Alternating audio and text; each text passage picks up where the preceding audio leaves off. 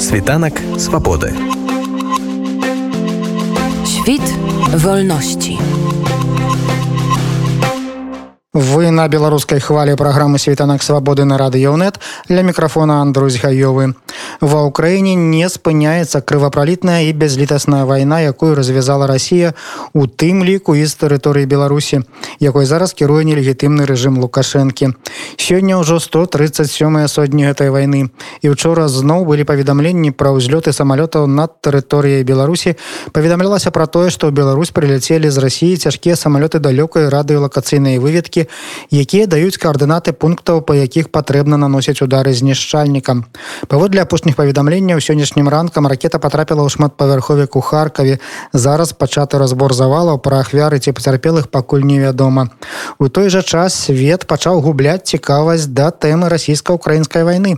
Прынамсі такія вынікі паказалі даследаванне украінскіх даследчыкаў медыяў а праблемы не так давно абмяркоўвалі на брыфінгу ва ўкраінскім крызавым медыяцэнтры. Вось які якія думкі там гучалі Сапраўды даследчыкі канстатуюць знікненне украінскай тэматыкі з першых палосаў медыя ў розных краінах свету, але адмыслоўцы медыйнікі лічаць, што ў гэтым няма нічога дзіўнага ад аднае тае ж тэматыкі, якая б яна не была гарачая, чытачы, слухачы і гледачы стамляюцца. Што ж варта рабіць, каб тэма вайны ва ўкраіне не толькі не знікала з медыяапарадку дня, але і была скіраваная ў патрэбнае ў краіне рэчышча, а таксама тое, як спрыяць замежным журналістам у асвятленні падзеяў ва ўкраіне і спрабавалі вырашыць удзельнікі брыфінгу ва ўкраінскім крызавым медыяцэнтры. Вынікі даследавання асноўных медыяў з розных краінаў прэзентавала кіраўніца цэнтру даследавання грамадскага аб'яднання дэтэктар медыя ксенія і люк вось якія тэндэнцыі яна адзначыла звісно те що кількість уваги до України спадає кількісно у більшість країнах це не це не новина проте основний з висновків полягає в тому що найгірше це не кількісне спадання, а саме якісне. Чому? Тому що в багатьох європейських країнах, зокрема, ось окремо можна виділити такі країни, там як Іспанія, Португалія, Італія, кількісні показники новин по Україні в принципі залишаються останні декілька місяців е, відносно стабільно. Основними основними скачками такими в кількості є там візити європейських політиків до України чи якісь такі великі інфоприводи, як то надання статусу кандидата до вступу в Європейський Союз. Але загалом, якраз, хоч кількісно, нібито ці показники більш-менш однакові, великих коливань немає, якогось різкого спадання кількісного протягом останніх місяців вже немає. Але найбільша проблема в тому, що якісно Україна, навіть якщо в матеріалах, новинах і і, і великих е, там статтях, е, колонках згадки про Україну є, вони дуже часто виступають просто як бекова інформація. Тобто на перший план виходять статті про про там економічну кризу, про проблеми з. Е, з постачанням е, енергії, зокрема з газом, та про е, в принципі підняття цін, та і десь там, особливо це притаманно медіа Південної Європи, і десь просто там в кінці так такою приміткою, що е, і відбувається війна в Україні. Е, ось і це напевно найскладніша річ. Бо все ж таки, якщо ми говоримо про скандинавські країни, якщо ми говоримо про країни Балтії, то там насправді кількісно, як і кількісно, так і якісно, в принципі, Україна доволі гарно присутня в медіа, і статті, і матеріали, і меседжі вони такі проукраїнські. Україна там згадана не між рядками, а в принципі виступає в, в центрі. Е, інша така річ, що е, в деяких країнах великі інфоприводи трактувалися дуже там неоднозначно. Ось, наприклад, в німецьких медіа сильно відзначилося те, що статус кандидатства до Європейського союзу говорили більшість медіа з приміткою але е, типу, але це займе багато років, але це мало ймовірно, але це давайте подивимось на Балкани. А що робити з Балканами? І ось такі е, меседжі вони в принципі виштовхують дуже часто в матеріалах е, основні позитивні важливі меседжі для України про Україну. Окремо хотіла би сказати про те, що ми помічаємо, що в, в різних медіа, але зокрема там Центральна Південна Європа є нерозуміння, кого цитувати з боку України. Навіть був приклад по Португалії була стаття, де вони цитували Арестовича і і самі написали те, що вони розуміють, що нібито він офіційна офіційний представник влади, але вони не розуміють до кінця його роль, і це просто прямо в матеріалі вони це описують, даючи декілька його цитат, які насправді заперечували одна одну. І такі речі ми помічаємо в принципі. Ну і е, з таких ще цікавих речей я б сказала, що на що варто звернути увагу, те, що е, якщо в перші місяці війни було насправді багато матеріалів про Україну загалом, не безпосередньо про війну, а скажімо, про українську культуру, про українських там е, митців, якісь цікаві факти про Україну, то зараз таких матеріалів стає дуже і дуже мало. Е, саме кількісно їх е, в деяких країнах взагалі вже майже немає. Єдиним таким проблиском в цьому напрямі є інфоприводи, коли відомі люди тих країн, ну скажімо так, зірки, селебриті.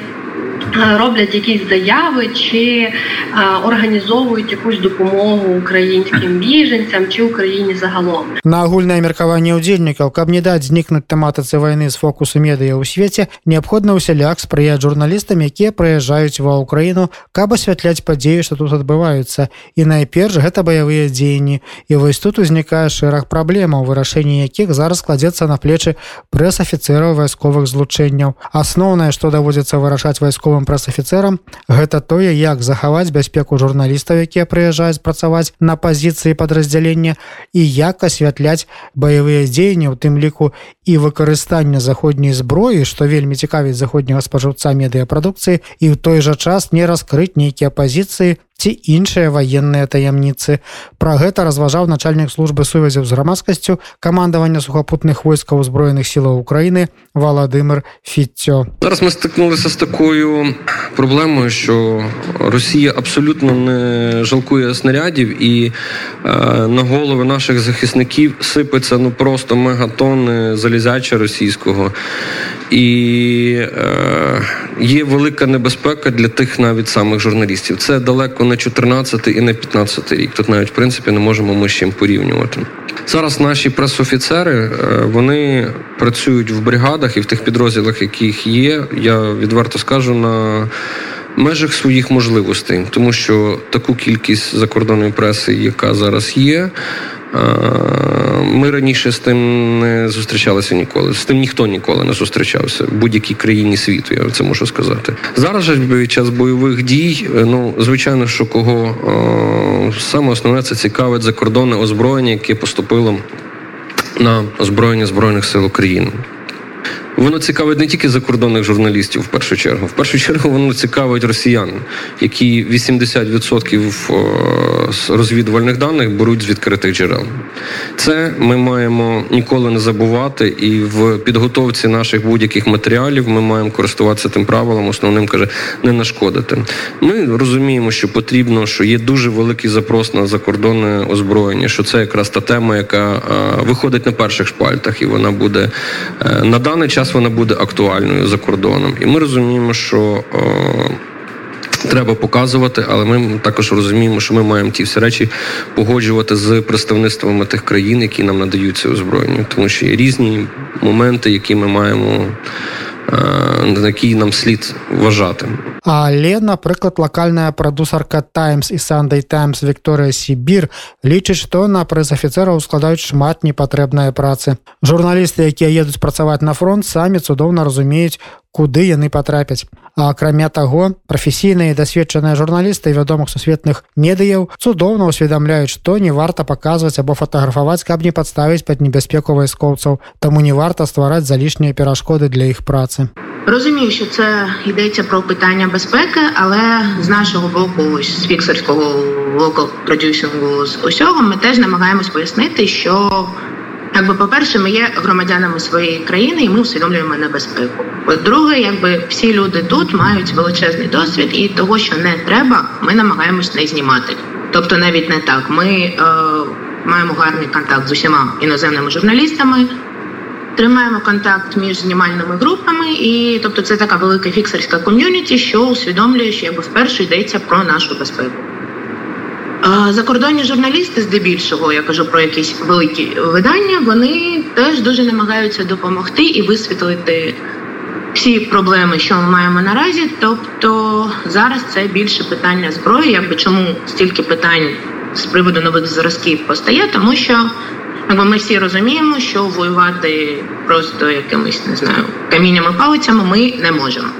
Нам потрібна зброя для того, щоб нам давали більше зброї. Ми маємо показувати, як її використовують. Тобто, в принципі, вся робота наразі це домовленості десь в полях, це просто якісь контакти е, з намаганнями пройти повз. Е, часом повз пресофіцерів, часом повз командування, тому що заборони час від часу бувають абсолютно абсурдними. Тобто нова ідея з тим, що всі питання мають вирішуватись через генштаб, це взагалі десь за межами розуміння, тому що якщо ви пам'ятаєте, був величезний такий скандал десь у березні, коли закордонні журналісти не могли отримати акредитацію, і часом вони чекали по кілька тижнів, по місяцю. Аж доки не отримували ось ці акредитації, які в принципі по факту зараз нічого не значать, тому що о, навіть після цієї перевірки, навіть після Е, всього цього довгого шляху ми все рівно маємо подаватись і кожного разу показувати, просити якогось дозволу для того, щоб знімати на війні. З приводу небезпеки, знову ж таки, цілком згодна, що це не Сірія, не Ірак, і це те, що весь час доводиться пояснювати іноземним журналістам. Що якби з такою кількістю арти і авіації вони до того не зустрічались. Але якби з іншого боку, ну кожного своя робота. Тобто всі усвідомлюють, е, на яку небезпеку вони наражаються. І а вже ж дякую за спроби захистити журналістів, але ну якби нам просто треба не заважати працювати. І тоді все буде, тому що журналісти дійсно зацікавлені в Україні. Особливо ті, що працюють тут вже 5 місяців, вони повертаються в них постійні ротації груп.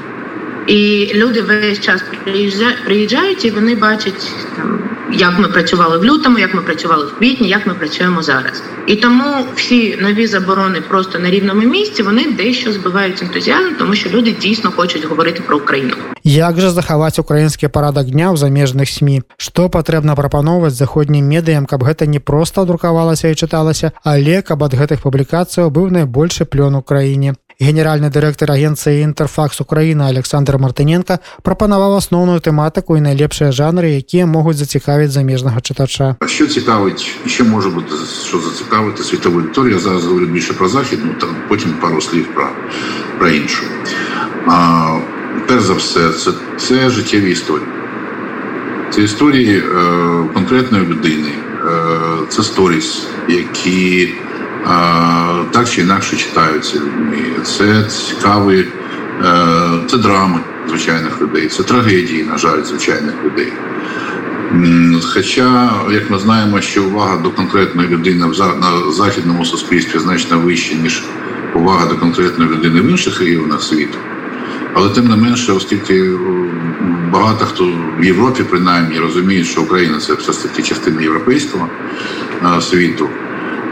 І це не залежить від кандидатства, і чи є воно чи немає, просто просто це європейські країни. Тому мені здається, що це такі от історії е, конкретних людей, про яких дуже багато, до речі, написано останнім часом і знято, дякуючи іноземним корам. Але я думаю, що такі от stories, life stories, вони вони постійно на них постійно буде потреба. І знімати їх треба якомога більше, тим більше, що у нас, на жаль, випадків таких життєвих трагедій дуже багато, і, на жаль, я думаю, що це буде продовжуватися. Це раз. Другий момент стосується сенсу війни, що це таке, чому вона відбувається і за що йде мова. Тут нам а, допоможе Російська Федерація, я думаю, тому що, наскільки я розумію, у них тепер є з'явилося бажання донести. Е, цей міф про український нацизм по всьому світу, тобто вони там власну аудиторію вже працювали, як вони вважають. А тепер треба це донести правду в лапках, як розумієте, до світової спільноти, про що говорить, до речі, і е, засідання Ради безпеки неформальне, яке на якому вони виносять найближчими днями питання про український нацизм. А для нас, знаєте, от це ну нібито навіть говорити про це не варто, тому що бредовість цього міфу вона є в принципі розуміла. Але е, просто треба взяти до уваги, що якщо вони будуть повторювати це 10 разів на день, в будь-якому випадку, якщо комусь щось повторюється 10 разів на день, на якийсь 25-й день у будь-якого читача, глядача і всього іншого може виникнути питання, може так це насправді є. Проблема третього світу. Мається на увазі тих країн, які не західні, не європейські, не американські. Там дійсна проблема існує, тому що, ну, по-перше, це для них дуже далеко. Що ж там відбувається, це раз, а по-друге, це, накладається природня, ну так історична у деяких країнах, принаймні недовіра до Сполучених Штатів як, як країни, яка з їх точки зору зловживає правом сили. Ми це знаємо, і тому дуже багато в багатьох випадках люди е, формують своє відношення до того, значить, на якому боці Сполучені Штати. Якщо Сполучені Штати значить, на боці цієї країни, значить тут щось не так. Вся це є, це знов таки це реальність. Це стосується Азії, це стосується частково Південної Америки, частково також Африки. І е, тому там, і, звичайно, там не такі розвинуті демократії, тому можливо звертатися власне до виборців е, не так ефективно, як в західноєвропейських країнах чи Сполучених Штатах, але тим не менше, е, все ж таки це значна частина світу і е, до неї те, теж треба знаходити свої аргументи. У той же час головний редактор групи видання громадського об'єднання детектор медіа Атар Довженко лічить, що українцям варто змінити тон стосунків з заходніми медіями. Те, про що ми говоримо, це є природні процеси в інформаційному просторі, які перед тим ми е, аналогічно спостерігали на прикладі коронавірусної пандемії. Е, нам я думаю, треба трошечки в цьому випадку відійти від е, позиції тих, хто чогось вимагає, та від світових медіа, і перейти на позицію тих, хто має шукати, що можна сказати про себе е, цим медіа, аудиторії цих медіа, та передати. Я не маю на увазі, що ми маємо виконувати роботу цих медіа, та і замість них спілкуватися з їхньою аудиторією. Хоча це між іншим також е, от. Я е, процитую думку міжнародника каналу Інтер і просто дуже класного журналіста міжнародника Дмитра Анопченка, який казав, що спілкування з виборцями західних політиків для України насправді може бути важливішим ніж е, ніж спілкування з самими політиками. Та і до цих виборців таки також в якийсь спосіб можна можна було би пробувати до докричатися, можливо, навіть безпосередньо посередництва медіа. Та? У нас є знов таки соцмережі тому подібні штуки. От. Але йдеться про те, що е, в принципі, якби штучно якимось чином медіа утримували цю тему на перших шпальтах, при тому, що насправді інформаційний контекст міняється, і люди вже, як ми кажемо, втомлюються, тобто перестають фокусуватися на цій темі. Від цього Україні не, не було б краще. Ну їй Богу. Е, Ми вже бачимо, що наша війна буде тривати достатньо довго, і напевно розумніше було би нам зараз перейти до такої проактивної позиції та в інформаційному просторі, яка дозволила би і не зникати з одного боку з, е, з глобального інфопростору, і подавати такі е, якісь меседжі, які би, по-перше, дуже важливо перебивали би всю цю дезінформацію. Насправді, оцей стан умовної втоми це якраз дуже класний, дуже класний стан для того, щоб розгортати дезінформаційну машину. І ще остання маленька річ. Мені здається, що тон е, погроз, претензій, і там, як якщо ви не дасте нам то, то, то і то, то е, типу ми не будемо захищати вас від від москалів. Нам вже треба згорнути остаточно, тому що цей цей тон насправді дуже багато хто не розуміє в світі, і е, ну вони типа його терплять, але разом з тим реакція на нього радше негативна. А ось про те, як заходні читачі сприймають українську тематику, і що більш виніково для України було б на цяперашнім етапі бачить у медіях заходнім споживцям медіапродукта, розважала раніше керівниця української служби BBC, а тепер журналістка Тойтас Медіа і медіаконсультантка Ніна Кур'ята. Давайте не забувати.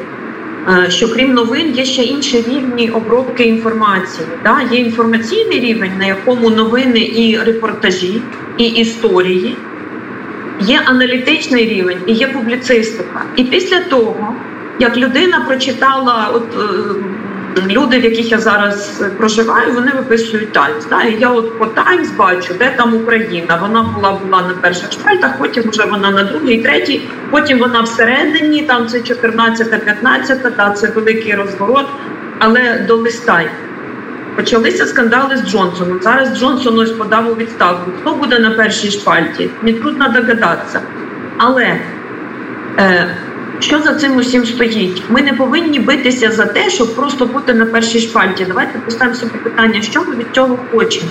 Людина отримала газету. Вона побачила про Кременчук. Кременчук, до речі, був багато де на перших шпальтах. Дійсно, от людина побачила жахливі фото.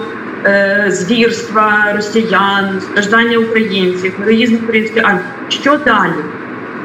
Що далі? Далі у людина разом з цією газетою отримує конверт, в якому лежать рахунки за газ, за світло, за всяку комуналку. Людина, яка живе на Близькому Сході, бачить, що дефіцит хліба. Так? Тобто в кожної людини свої проблеми, і це піраміда Маслову, яка в нас єдина ну, для всього людства. Так? Давайте думати про те, що стається далі з цією інформацією, яку людина прочитала у вигляді новини чи репортажу про те, як розвивається війна в Україні. Е, Що робити? Це вирішують політики, але ця людина є виборцем цих політиків. Тому те, що вирішують політики, нерозривно зв'язано з суспільною думкою цієї країни. І тут я вважаю, що ми програємо не в кількості, не треба вимірювати інформаційний успіх кількістю там перших шпаль і новин. Ми поки що повинні наростити свої е, потужності саме в аналітиці і в публіцистиці, тому що після того, як людина прочитала, що де коли в неї виникає питання, і що далі, і що треба робити. І коли людина відкриває конверт зі своїми е, рахунками на комуналку, вона розуміє, що якщо буде далі запроваджуватися ембарго на російську нафту і газ, чого ми дуже всі домагаємося, то ця людина зі своєї кишені заплатить ще більше. І виникає питання, чому я маю за це платити? При всій симпатії до всіх хороших, хоробрих, е, прекрасних людей. Да? Є є питання, чому за це маю платити я? І на це питання е, повинні відповідати ми. Повинні відповідати ми і наші інформаційні союзники, партнери як завгодно. І на жаль, я мушу констатувати, що все, ну не все, ну більша частина розумного, хорошого, класного, що написано в Україні, залишається в Україні.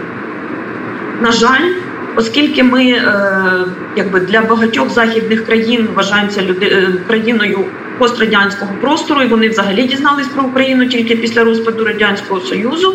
Нас висвітлюють колумністи, які висвітлювали Совєт Юніон, вони називаються совєтологи, колись називались. Да, Вони там закінчували відповідні виші.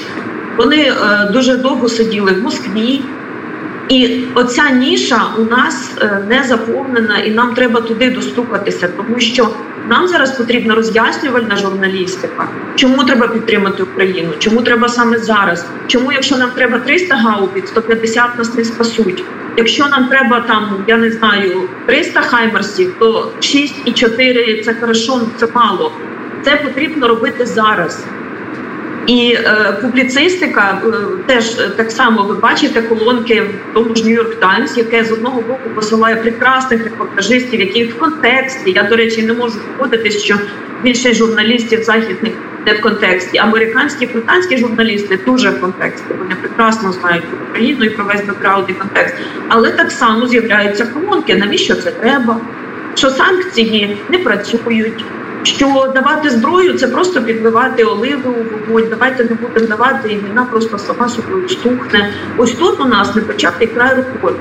Сапраўды ў свеце ўжо ведаюць што расійскія захопнікі робяць ва ўкраіне жахлівыя рэчы і пераконваць заходніх чытачоў слухачоў да гледачоў гэтым больш не трэба. Значна важней расказваць гэтым спажыўцам медыяпрадукта і адначасова і выбаршчыкам чаму менавіта для іх саміх да іхніх краінаў важна патрабаваць ад сваіх урадаў дапамагаць украіне перамагчы агрэсара які ўжо даўно адкрыта пагражае ўсёй заходняй цывілізацыі. Світанак свабоды Świt wolności.